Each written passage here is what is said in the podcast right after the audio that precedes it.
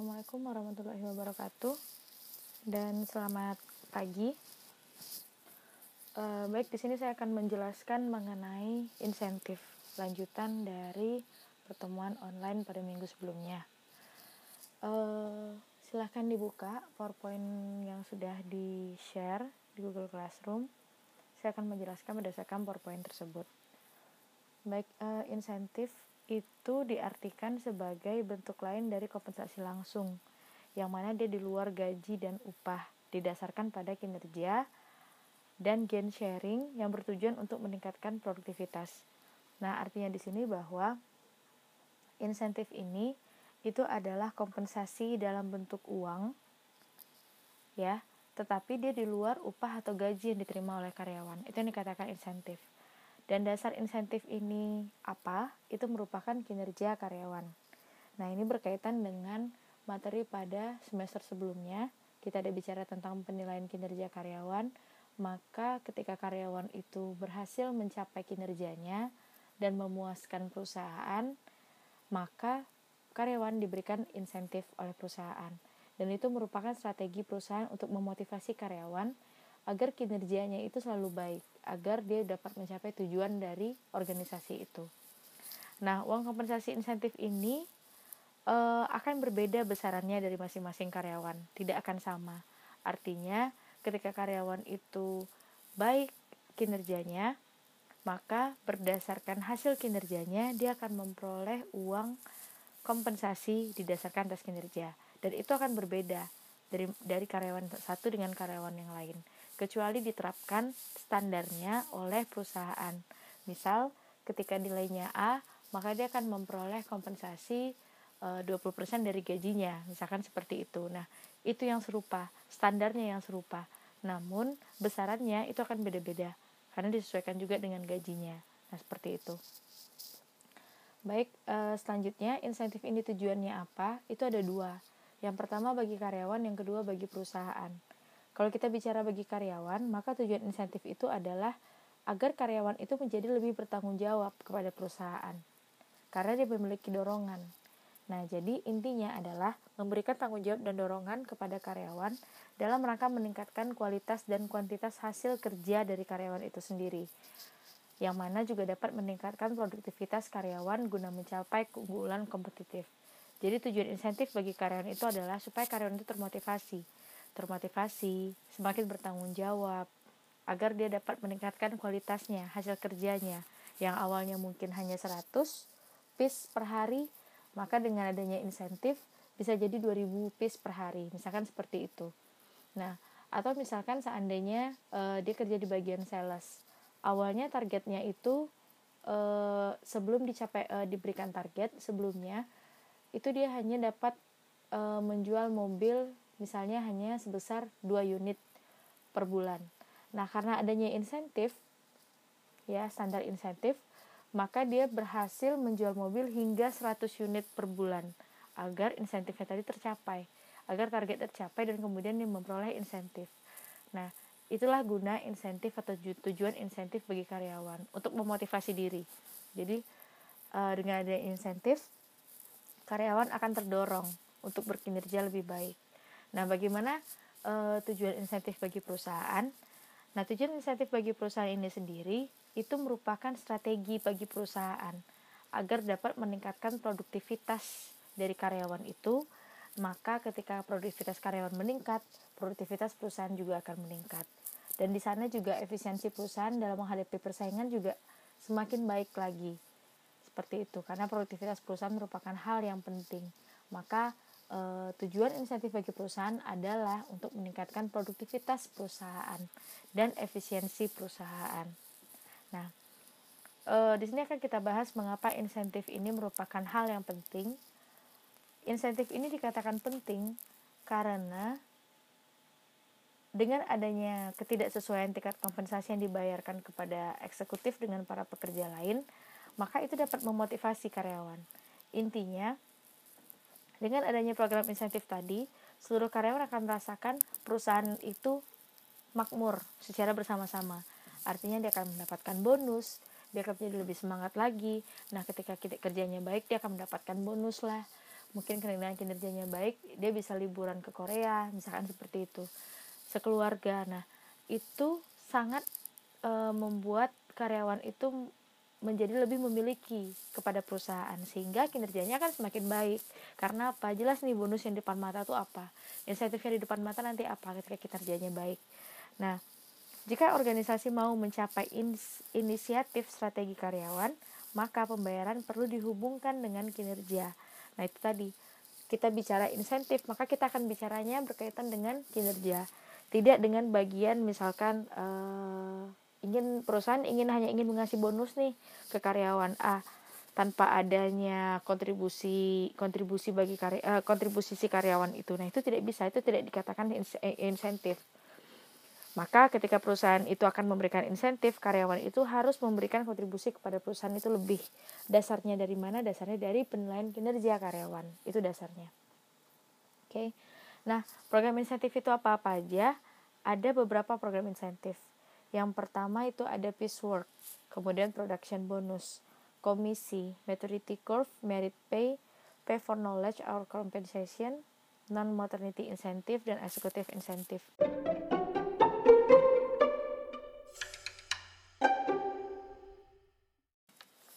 Baik, saya akan menjelaskan satu persatu program insentif. Yang pertama itu adalah piecework. Piecework itu merupakan salah satu teknik yang biasa sangat biasa dilakukan oleh perusahaan, di mana pada bagian piecework ini itu perusahaan berusaha mendorong karyawan untuk meningkatkan produktivitas kerjanya dengan cara memberikan insentif finansial berdasarkan jumlah hasil pekerjaan karyawan yang dinyatakan dalam bentuk unit produksi. Jadi per unit, apakah itu nanti misalkan contohnya e, satu unit kerja atau satu kelompok kerja itu mereka biasanya menghasilkan hanya 100 uh, unit per hari. Nah, ketika adanya insentif tadi, maka mereka akan memproduksi lebih banyak, bahkan sekitar 200, 300 atau 400. Maka insentif tadi diberikan oleh perusahaan berdasarkan hal tersebut, berdasarkan banyaknya uh, hasil produksi mereka. Nah, uh, piecework ini sendiri itu merupakan e, bahasa lainnya bahwa piecework ini sendiri itu diberikan berdasarkan jumlah output atau barang yang dihasilkan oleh pekerja. Nah, itu dikatakan e, tadi, ya. Kemudian yang kedua yang kedua selanjutnya adalah production bonus. Nah, production bonus ini merupakan tambahan upah yang diterima oleh karyawan karena hasil kerjanya melebihi standar yang ditentukan, yaitu juga mendapat uh, upah pokok. Artinya di luar upah pokok dia akan mendapatkan bonus dari hasil produksinya. Misalkan uh, target sehari itu adalah 500 piece. Nah, kemudian ternyata uh, karyawan itu bisa menghasilkan 600 piece dalam satu hari di luar target. Maka dia akan mendapatkan bonus dari produksinya dan itu di luar upah pokok. Artinya dia upah juga mendapatkan upah tetapi juga dia juga tetap mendapatkan bonus dari hasil produksinya. Nah, itu yang dikatakan production bonus. Selanjutnya itu adalah komisi. Komisi itu merupakan insentif yang diberikan berdasarkan jumlah barang yang terjual.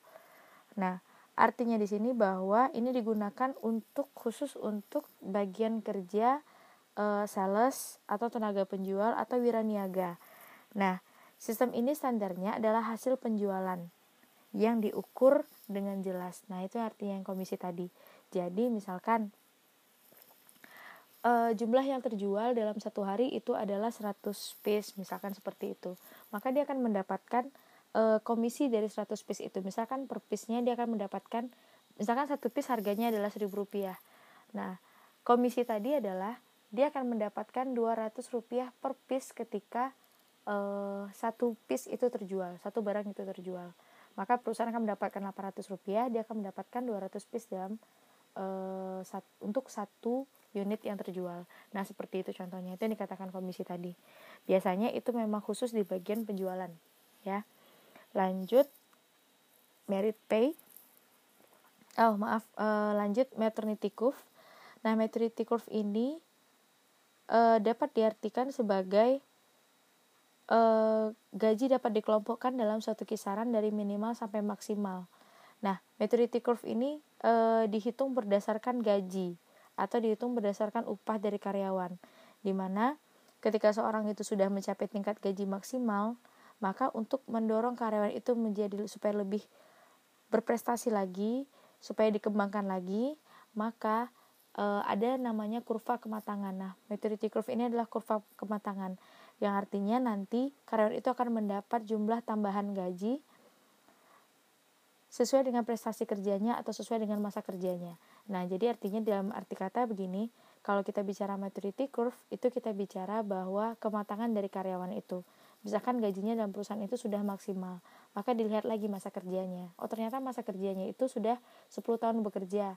Nah, maka dia nanti akan mendapatkan bonus atau insentif di situ. Nah, ada beberapa perusahaan di Indonesia yang sudah menerapkan hal itu.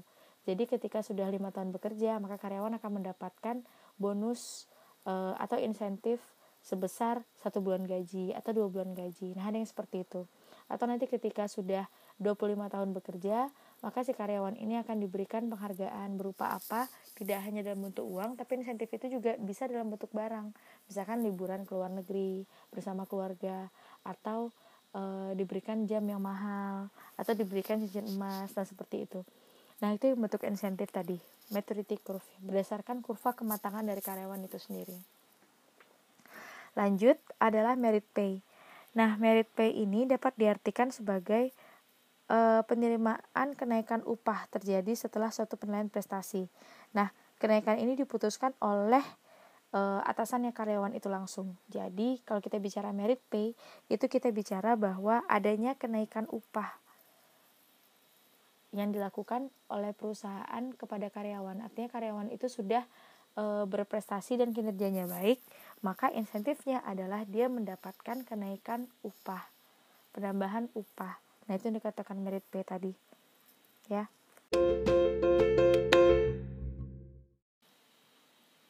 Baik, selanjutnya adalah non monetary incentive. Nah, non monetary incentive ini adalah insentif yang tidak berupa dalam bentuk uang atau dalam e, diartikan dalam bentuk lain.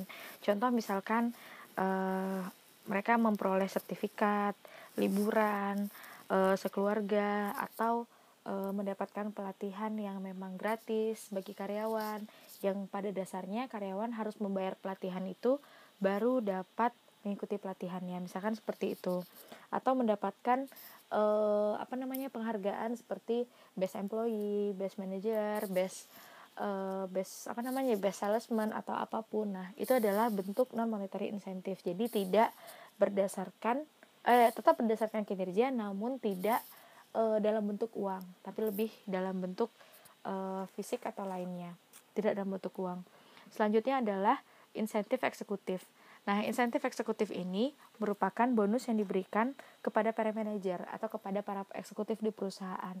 Nah, ini sebagai bentuk penghargaan atas pengabdiannya misalkan atau atas ide-idenya dalam bekerja atau mungkin kontribusinya dalam perusahaan sehingga mencapai keuntungan yang maksimal bagi perusahaan. Nah, misalkan seperti itu. Nah, apa e, bagaimana bentuk insentifnya? Itu pasti akan berbeda dengan insentif bagi karyawan-karyawan yang lain yang sudah dibahas sebelumnya. Nah, untuk eksekutif insentif ini sendiri, uh, manajer atau bagian eksekutif itu tentu uh, bagiannya akan lebih besar, insentifnya akan lebih besar, seperti mereka memperoleh sebagian kepemilikan saham atau mereka memperoleh uh, apa ya bonus yang memang luar biasa besarnya, bonus tahunan yang besar, atau bonus yang memang berkali-kali lipat misalkan seperti itu. Nah itu contohnya. Ya uh, oke okay. baik. Di dalam insentif ini sendiri itu ada dua. Tadi sudah saya bahas sedikit bahwa ada dua pengelompokan. Ya yang pertama ada insentif dalam bentuk individu dan insentif dalam bentuk kelompok. Kalau kita bicara insentif dalam bentuk individu, itu bertujuan untuk memberikan penghasilan tambahan selain upah pokok atau selain gaji pokok bagi individu untuk mencapai standar prestasi tertentu. Dan pembagiannya itu hanya berdasarkan individu saja. Misalkan individu A, individu yang namanya siapa ya? E, Sri misalkan. Si Sri bekerja, itu dia e, kinerjanya itu selalu di atas rata-rata. Penilaian akhir tahunnya selalu A. Maka Sri akan mendapatkan penambahan atau insentif di luar upah pokok. Anggap upah pokok Sri misalkan 20, e, 2 juta, sorry 2 juta. Maka nantinya ketika penambahan insentif Sri akan mendapatkan 100% dari upah, misalkan seperti itu. Maka Sri akan memperoleh 4 juta. Dan itu hanya diperoleh oleh Sri sendiri. Walaupun Sri bekerja dalam perusahaan eh, perusahaan dan kemudian Sri juga berada dalam satu divisi keuangan, tetapi Sri punya pengukuran untuk penilaian kinerjanya dalam bentuk individu, maka insentifnya juga akan individu. Nah, begitu juga dengan kelompok atau kolektif. Ya, penilaian kinerjanya juga berdasarkan penilaian kerja yang dilakukan dengan kelompok, maka dia akan memperoleh bagian atau insentif juga secara perkelompok. Nah, e, secara kelompok tadi ini diterima secara kolektif. Yang mana pertama, pembayaran yang diterima sama dengan yang, memiliki prestasi kerja yang tinggi bayarannya. Artinya dalam satu kelompok tadi misalkan ada lima orang, maka kelima-limanya itu pembayaran insentifnya akan sama. Karena dia berada dalam satu divisi dan mungkin dia baru selesai habis selesai menyelesaikan suatu proyek dan seperti itu. Kemudian yang kedua, pembayaran yang diterima sama dengan pembayaran yang paling rendah. Anggap seandainya itu adalah pembayaran yang paling rendah, maka dia akan juga mendapatkan pembayaran yang paling rendah. Seperti itu. Lanjut yang ketiga, menerima pembayaran yang sama dengan rata-rata pembayaran yang diterima oleh kelompok. Jadi ada tiga jenisnya. Kalau memang sama tingginya, maka semuanya akan tinggi. Sama rendahnya, maka dia akan sama. Nah, sama rata-rata jumlahnya sama, ya tetap harus sama. Jadi intinya kelompok tadi itu jumlahnya berdasarkan e, kinerja kelompok dan kemudian juga e, besarannya itu harus sama. Nah, seperti itu.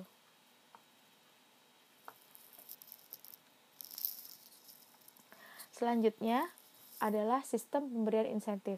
Nah, sistem pemberian insentif ini ada enam, ya, ada macam. Yang pertama berdasarkan bonus tahunan. Nah, bonus tahunan dalam sini bisa dilihat seperti pemberian insentifnya itu apakah bulanan, ataukah triwulan, atau setengah tahun, atau tahunan. Nah, itu yang dilihat, ya, dilihat berdasarkan hasil kinerjanya.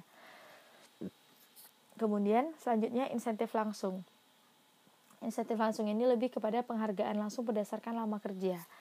Ya, apakah prestasi istimewa, gagasan, inovasi dan lain sebagainya yang diberikan dalam bentuk apakah bentuk sertifikat, apakah plakat, apakah uang tunai, apakah obligasi, karangan bunga dan lain sebagainya. Nah, itu yang dikatakan insentif langsung.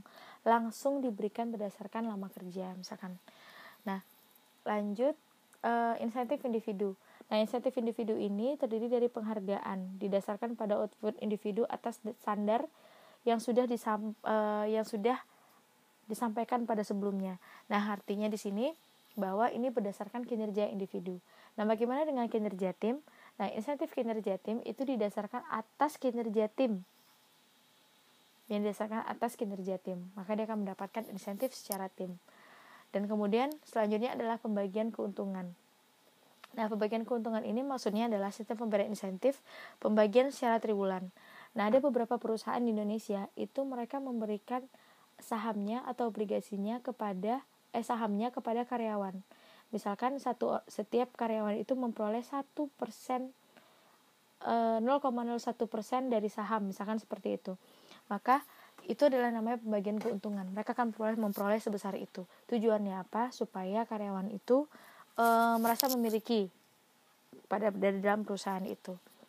E, selanjutnya penghasilan dititipkan untuk pensiun, pemberhentian, kematian atau cacat. Nah, itu juga termasuk di dalamnya. Kemudian juga program gabungan perusahaan. Nah, seperti itu. Kalau program gabungan perusahaan ini lebih e, program perusahaannya apakah di merger atau ke akuisisi atau bagaimana. Ya. Yang terakhir adalah bagi hasil atau gain sharing. Ya yang dilandasi asumsi pengurangan biaya, inovatif, kreativitas, dan bekerja lebih cerdas. Artinya lebih kepada pembagian hasil. Misalkan perusahaan berhasil untuk mencapai target A, maka hasil keuntungannya itu akan dibagi. Dibagi kepada siapa pun karyawan yang terlibat dalam program tersebut. Nah, seperti itu. Oke, uh, sampai di sini ada yang ingin ditanyakan, silahkan ditanyakan lewat Google Classroom. Ya, Nanti akan saya share uh, materinya, silahkan dilihat dan kemudian apabila ada pertanyaan silahkan ditanya. Dan sedikit kesimpulan dari saya, insentif itu dilakukan sebagai bentuk strategi perusahaan untuk meningkatkan produktivitas dan efisiensi oleh perusahaan dalam menghadapi persaingan bisnis yang ketat. Ya, kemudian program insentif ini juga bertujuan untuk lebih mendorong produktivitas kerja karyawan agar menjadi lebih tinggi dan maksimal. Selanjutnya, untuk memberikan upah yang berbeda, Karena dengan adanya perbedaan tadi, maka itu membuktikan bahwa karyawan itu memiliki prestasi yang berbeda dan mereka akan menjadi lebih kompetitif dan berlomba-lomba. Selanjutnya, produktivitas menjadi hal yang penting dengan memanfaatkan perilaku karyawan yang mempunyai kecenderungan bekerja seadanya atau maksimal, yang nantinya akan menerima reward atas kinerja yang dihasilkannya. Nah, di sini intinya insentif ini memberikan uh, membuat karyawan itu menjadi lebih kompetitif, lebih maju, lebih berusaha untuk berkembang. Nah, seperti itu. Sekian perkuliahan hari ini. Silahkan nanti ada yang pertanyaan, silahkan bertanya di kolom yang sudah disediakan nanti di Google Classroom. Uh, sekian dari saya, terima kasih. Wabillahi taufiq wa hidayah. Assalamualaikum warahmatullahi wabarakatuh dan selamat pagi.